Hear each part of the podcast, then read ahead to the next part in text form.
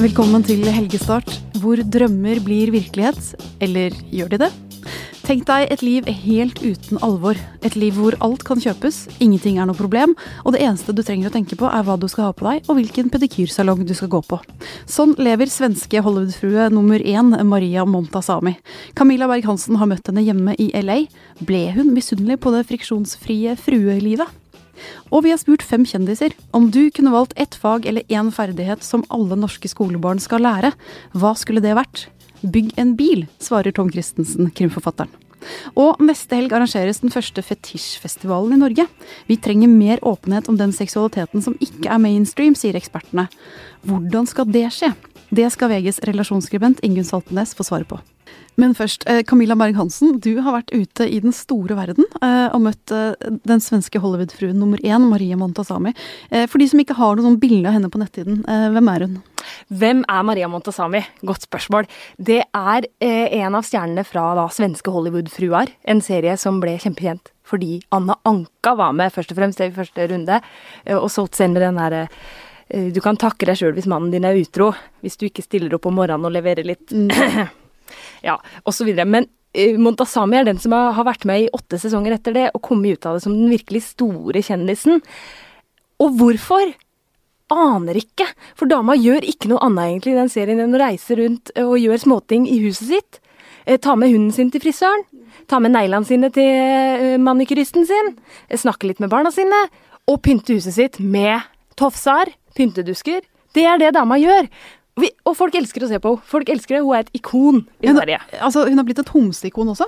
Et homseikon. Det har hun litt forklaring på sjøl, kan jeg bare fortelle. For hun lurer på om det kan være at de delene, da, de eh, innenfor the gay community i Sweden, som er i, mer i transemiljøet, eh, hun er veldig lett for dem å kopiere, for dama er 1,86 eller noe sånt, og har 42 i sko, stort hår, glad i glitter. Dette er en great garlic girl kvinne som er veldig lett for dem å parodiere, så det tror jeg har litt med saken å gjøre. Altså, Det er mye glam og glitter. Det er perfekt. Og så er det, hun, det er mye glede også. Hun er glad. Eh, hun er kjent for et, eh, et sitat eh, om sin mann, blant annet. ja, altså dama er alltid glad. Det er kanskje ikke så rart, ja, for hun har jo en mann som, eh, som står for alle finansene her. Så sitatet hun er kjent for mest av alt, er vel Min mann og jeg har et fantastisk system. Han betaler alt. Toppen! og der er dama evig happy, og det burde hun vel egentlig være. da, sånn sett. Ja, altså Det er jo lett å bli provosert, fordi at hun, hun, slår jo ut på alle skalaer. ikke sant? Eh, og eh, Du stilte vel ikke de der kritiske spørsmålene hva skjer hvis dere skilles, og vi skal la det der ligge. Men um, jo, det gjorde jeg jo. Selvfølgelig gjorde jeg det. Og da sa hun jo, som den selvfølgelig sier i USA, men da får jeg jo bidrag. Ja, ja så det er ikke noe problem. Ja, ja. Du lever godt som skilt i USA, vet du, Borte. Men altså, vi ser jo, denne serien har jo gått i åtte sesonger, og man benker seg, og man, man elsker å se henne. Er det fordi vi elsker å hate, eller er det fordi vi har en sånn sort, syndig drøm selv om å leve like enkelt og like friksjonsfritt, tror du? Jeg tror at vi ser på eh, publikum ser på best av alt fordi de elsker å hate, ja. Eh, men innerst inne er det nesten litt ekkelt spørsmål. Hvis vi kunne velge, hvis vi hadde hatt muligheten, ville vi bare sitte i huset vårt og gjort minst mulig annet enn å kose oss. Som hun sier, shoppe, ha litt kul, litt vin, litt god mat. Ville vi ikke gjort det, da? Ja, Hva sier du, Tom Kristiansen, ville du det? Nei, men altså, jeg har sett flere episoder, jeg, av svenske Hollywood-fruer. Du har det? Ja, det Oi, har jeg. Det har jeg, absolutt. Det har jeg. Og jeg er, jeg er fryktelig fascinert. Jeg blir sittende og se og, og tenke at jøsse nam, altså. Dette er en verden som jeg vet altfor lite om, egentlig. Og det, denne verden lever disse, disse damene i, da. Og, men jeg tenker også at eh, hvis man tror dette er problemfritt, så tror jeg hun tar feil. For jeg tenker at vi alle mennesker, vi alle, vi også fire rundt bordet her, vi har vår eget problemrom. Og det problemrommet, det fyller vi alltid med et eller annet. Disse Hollywood-fruene, de bor jo på mange måter i et fengsel. Altså, husk på hva som er lov i dette miljøet, hva som ikke er lov. Eh, hvordan du må oppføre deg, hvordan du må se ut. Misunnelse, jeg mener det går på antall biler i garasjen. Det går på mannen din, som kanskje har en litt bedre stilling enn mannen min. Og de, har, de klarer også å fylle opp dette problemrommet sitt eh, til å bli stort nok til å føle at dette er eh, like store problemer som en eh, fattiglus har på gata i New York. Ja, man går rett inn i luksusfellen og bosetter seg der, rett og slett. Men Ilans problemer er også problemer. Ja, det er jo jeg, jeg tror de har De føler at de har problemer. Men jeg, jeg ser på det som et sånt fascinerende fengsel. Absolutt. Ingen Stoltnes, hva sier du? Ja, det er, jo, altså det er jo en sosialantropologisk studie. Veldig, veldig fascinerende. Personlig tror jeg jo at jeg ville blitt dypt deprimert. Altså, jeg er jo ingen tvil om at jeg ville fylt opp problemrommet mitt. Men altså, jeg hadde jo følt det i bunn og grunn som så meningsløst et liv. I forhold til å ikke gjøre noe for andre, ikke gjøre noe for å påvirke verden. Altså, jeg, jeg ville virkelig hadde tatt knekken på meg, altså. Men etter en sånn uke som, eh, som vi har nå, da, med altså det, er, det er flyktningkatastrofer, det er spørsmål om klimaendringer fins eller ikke fins, det er så mye tunge ting som man skal forholde seg til, kanskje har du tidsklemme og ikke noe per som gjør Altså den derre å, nå skal jeg bare ligge i et badekar en dag, og altså, kanskje den eneste personen jeg skulle møtt hadde vært en yogatrener. Det virker jo litt forlokkende òg. Men det er nok sant som de sier, at de, de ligger vel i det badekaret da og bekymrer seg for, eh, for at eh, mannen kanskje skal finne noen yngre, og at de må ha mer Botox og se bedre ut for hver dag, da. Så Ja, det er alltid en fare for at det dukker opp en uh, ung, mye vakrere enn meg kvinne på veien. Jeg, jeg har tenkt noen ganger når jeg har vært For eksempel, jeg har vært i eh, Og nå er jeg ja, spent på hvor du skal hen. Nei, på, nei, på, på, i Puerte Banus og Saint-Tropez og disse plassene hvor disse her gigantyachtene ligger. Og jeg tror at eh, 99 er eid av menn. Jeg regner med at det eh, er tilfellet. Altså, der hvor Der er det alfahanner samlet. Det er ingen tvil om. Alfahannene er der. Alltid på steder hvor det er alfahanner, og store samlinger av alfahanner, så er det et utrolig eh, tilsig av unge, vakre, langbente kvinner. Og det er liksom Det er også en slags sånn eh, studie, antropologisk studie, egentlig. For hvorfor er det sånn?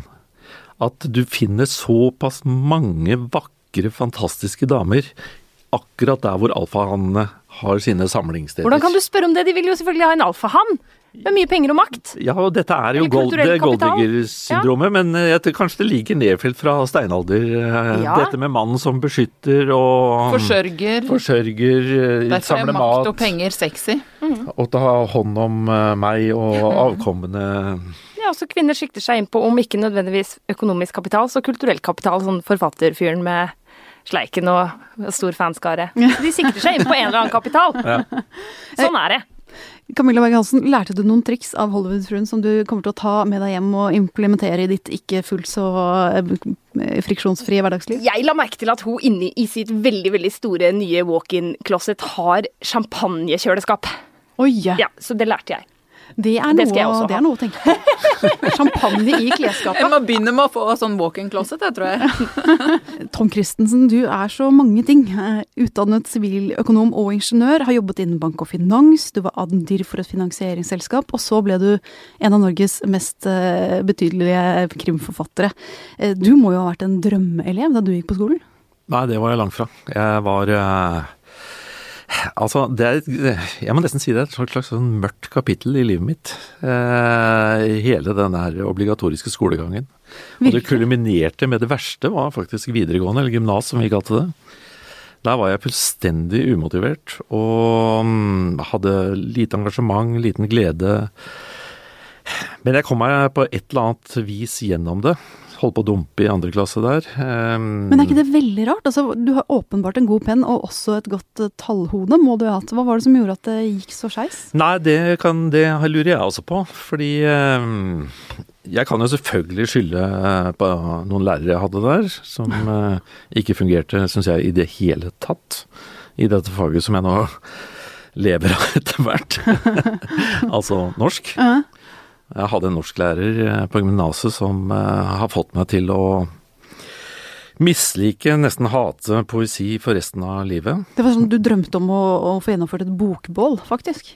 Ja, og det var denne boka som jeg hadde i pensum med denne norsklæreren. Um, han var eh, Hvordan han klarte å drepe min interesse, det var rett og slett ved at poesi var for ham et sånt binært fag. Enten, enten så var det rett, eller så var det feil. Ja. Um, hvis du forsøkte noen gang i timene hans å altså lese et dikt, og så legge deg på det diktet og forsøke å filosofere, hva slags tanker du fikk, eh, så, så syntes han det var totalt irrelevant. irrelevant. Og alt, eh, alt dette vi forsøkte å, å, Etter hvert så snakka vi jo ikke i det hele tatt. I hvert fall ikke jeg. Jeg bare trakk meg inn i mitt skall og ble der. Fordi jeg følte at uansett hva jeg sa i forhold til, denne, til, til denne læreren, så ble det tatt opp i verste mening og var tull og vås og vrøvl og alt det jeg sa. Så du ble til sånn, sånn stille slamp som satt bakerst og bare så sur ut? Ja. Så jeg tenker på dette her med motivasjon, glede, engasjement, mm. fantasi. Fantes ikke. Men når du får spørsmål om hvilket ene området du ville ført inn i skolen i dag, da, for å kanskje bøte på noe av dette her, eh, så sier du bygg noe. Eh, bruk hendene og bygg noe. Eh, hva slags ting skal man bygge? Nei, jeg, jeg sier at jeg, hvis jeg skulle kunne velge fra første hylle, da, eh, og hvordan skolen skulle sett ut, så ville jeg tenkt i prosjekter istedenfor fag. Ja. Eh, altså Bygg et hus, bygg en bil, eh, lag et musikkstykke, lag en bok. Eh, hva som helst, egentlig, som tenner deg og som engasjerer deg. Og så ville jeg lært fagene på grunnlag av hva du trengte som input for å realisere et sånt prosjekt. Altså ha en klar målsetting for et prosjekt. At det her skal vi fram til. Og hvordan skal jeg komme fram dit? Jo, for da trenger du matematikk, du trenger språk, du trenger kanskje å sende søknader, du trenger å engasjere folk som kan mye om dette her, som forteller deg, du trenger å lese om det, eh, og på den måten skape sånn der, ja, fletting av fag inn i et prosjekt, da. Istedenfor å tenke nå skal vi ha norsk, nå skal vi ha matematikk, nå skal vi ha historie, nå skal vi ha naturfag, og sånn som den tradisjonelle skolen er lagt opp. Her er fasiten. Ja. Da tror du selv de lange slampene på bakerste benk som ser sure ut, ville fått en glød, da? Nei, ikke eh, automatisk, men jeg tror det kanskje har vært lettere å engasjere dem i Altså hvis de- de hadde en interesse. Eh, Så tror jeg kanskje at det hadde vært lettere å få dem med. Inge Saltbones, det er jo flere kjendiser som uttaler seg i denne saken. Kåre Willoch syns at eh, den oppvoksende generasjonen må lære mer om Europa. Rita Møstad Engseth uh, vi skulle gjerne hatt mer film og kanskje litt bowling i gymtimene. Eh, har du noe tanke om relasjon? Eh, skulle det vært inne i noe fagområde på noen måte? Ja, absolutt. Altså det er jo alt, altfor lite om kropp og seksualitet i skolen i dag. Altfor lite. Folk kan altfor lite, og det kommer for seint. Fordi det er jo veldig mye som skjer veldig tidlig. Um, altså man har alt fra kjønnsidentitet, som man kan begynne å erfare allerede som tre-fireåring. Uh, og det er Altså det bør inn i barnehagen, egentlig. Uh, og det er jo ikke bare jeg som sier, altså dette er jo på en måte sexologer i det ganske land som mener at eh, dette bør inn i, inn, inn i skolen. Og da tenker du ikke bare på sånn pekestokk, dette er forplantningsorganene. Da tenker du Nei. på en litt annen måte å lære seksualitet på. Ja, og hvor man også lærer å snakke om følelser. Og hvor man lærer å sette ord på, på, på hva man trenger. Og ikke at man skal utlevere seg selv i et klasserom, eh, men at man kan snakke om, om bredden i følelser og eh, ja, i det hele tatt liksom lære også om psykologien i det, da. Um, for at det er veldig stor mangel på kunnskap også i den voksne befolkningen i dag, og det er jo selvfølgelig blant annet fordi man har lært for lite på skolen. Camilla, om du skulle velge et, eh, et fag som du skulle sneket inn i det norske skolepensumet umiddelbart? Jeg tenker jeg er nødt til å krype til korset her og si at jeg tror det er mange som trenger lite sånn barneskolekurs i hverdagsøkonomi. Du ser på Luksusfellen, der er det mye triste greier. Og, og jeg husker at vi hadde ganske lite økonomi på skolen. En lærer som sa dette må dere huske, skriv det i boka. Veien til helvete er brolagt med kjøpekort og kredittordninger. Det lille kurset skulle jeg gjerne hatt på pensum på alle skoler. Det er rett inn på ungdomsskolen, jeg føler jeg. Det er Ja, Perfekt ja. ungdomsskolealder. Nei, pengene på mastercardet ditt er ikke dine, og du må betale dem tilbake. Der, der kan vi være. Det må inn. Nydelig. Eh, Tom Christensen, hvordan fant du tilbake til din eh, språkglede, norskglede og læreglede etter den traumatiske videregående skolen? Ja, det kan du spørre om. Jeg eh, vet nesten ikke. Jeg ble vel forfatter på tross av denne læreren, da. Ikke på grunn av. Ja, nettopp. Det er ganske utrolig. Og det er jo ingen tvil om at lærerne du har, har utrolig mye å si for, eh, for læreglede. Og jeg må jo si jeg syns den ideen om å bygge noe er kjempegod. Mm. Fordi én ting er at du, du, får bruke så utrolig mange sider av deg selv, men det betyr også at de som har ulike talenter, kan få skinne på ulike steder. Helt fra han som på en måte kan mekke og skru og vise de andre at han er god på det, mm. til de som er gode til å skrive søknaden. Altså da, det er så mange som kan få lov til å skinne på hver sine ting i en sånn prosess. Og så fellesskapsfølelsen og gleden av å få til noe. Ja, og det er jo å finne fram til styrkene i, hos hver enkelt, da. Og så begynne der, og, og, ta fatt i det. Liksom, hva føler du du kan, hva, hva har du lyst til, og hva, hva gir deg engasjement og glede? Og så starte med det. Da tror jeg vi har, vi har, drømmeskolen nærmest skissert for oss. Det skal være praktisk, det skal være i prosjekter, det skal være i bygging, og man skal være utrolig god på relasjoner seg imellom. Det blir helt strålende. Eh, vi skal videre i relasjonslandskapet, Ingunn Salpenes. Altså, eh, du er jo VGs vasseste penn på, på sex og samliv, som vi vet. Denne uka så slår dere på en stor lyskaster og retter den rett mot folks seksuelle fetisjer. Eh, hva er grunnen til det? Utgangspunktet er faktisk at det for første gang eh, arrangeres eh, en fetisjfestival som heter Oslo Fetish Weekend, som er neste helg fra 8. til 10. mai. Som er et, eh, ment som et lavterskeltilbud til alle som er interessert i fetisjer.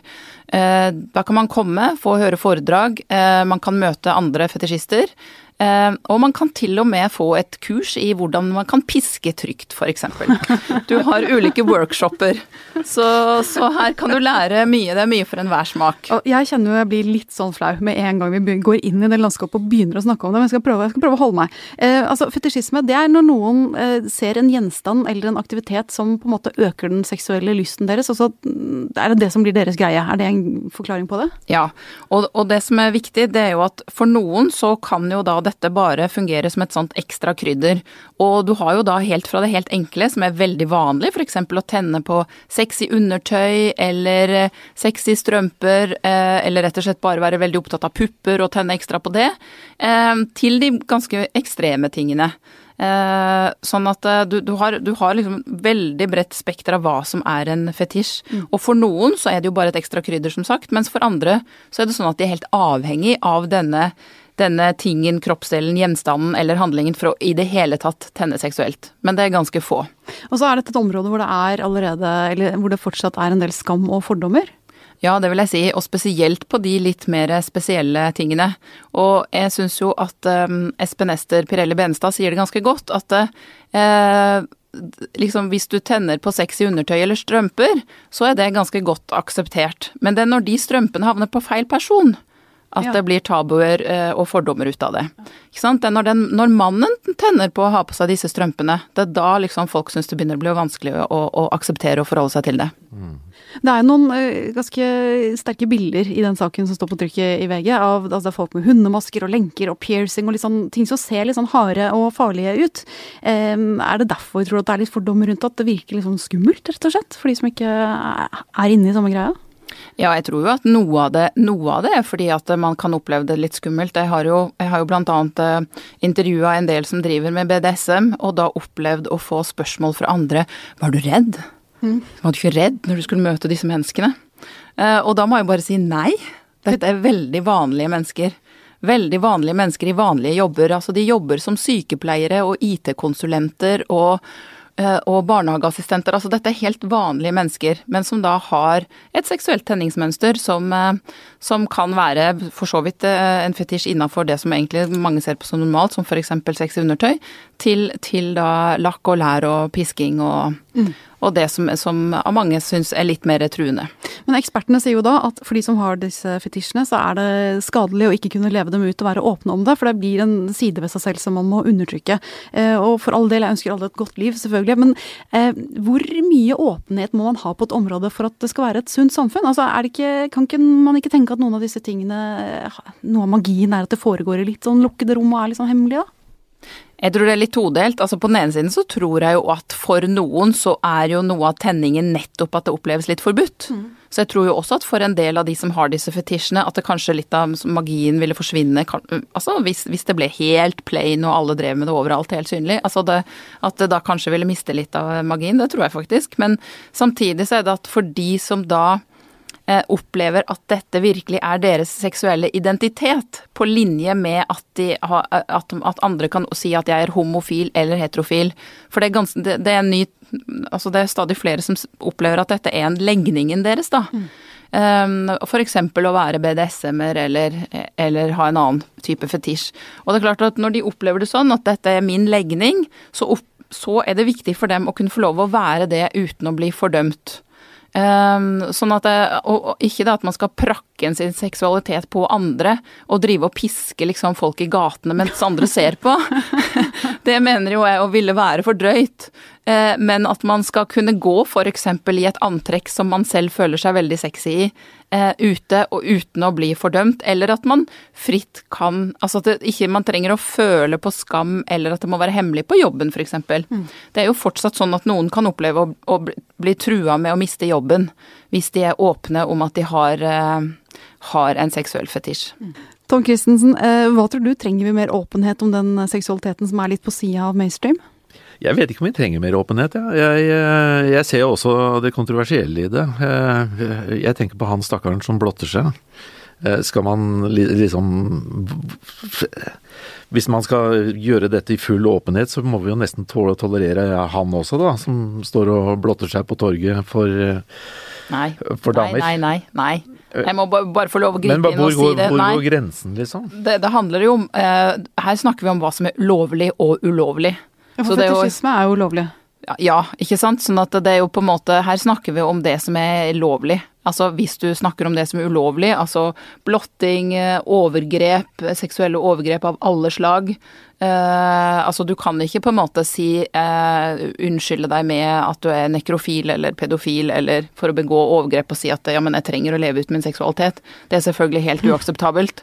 Og pisking på offentlig torg hadde heller ikke vært noe særlig, selv om de to som gjorde det var Nei, for forente da, om å gjøre det. Ja, fordi da tenker jeg at da, kan, da, da handler det litt om å pre, prakke sin seksualitet på andre, og du ville heller, og det ville også vært ulovlig om et heterofilt par hadde et helt alminnelig samleie i misjonærstillingen på det offentlige torget. Det hadde heller ja, ikke vært greit. ja, det har skjedd, og da, og da, blir de arrestert. Altså det er faktisk ikke lov det heller, fordi det handler om at det er støtende på andre. Mm.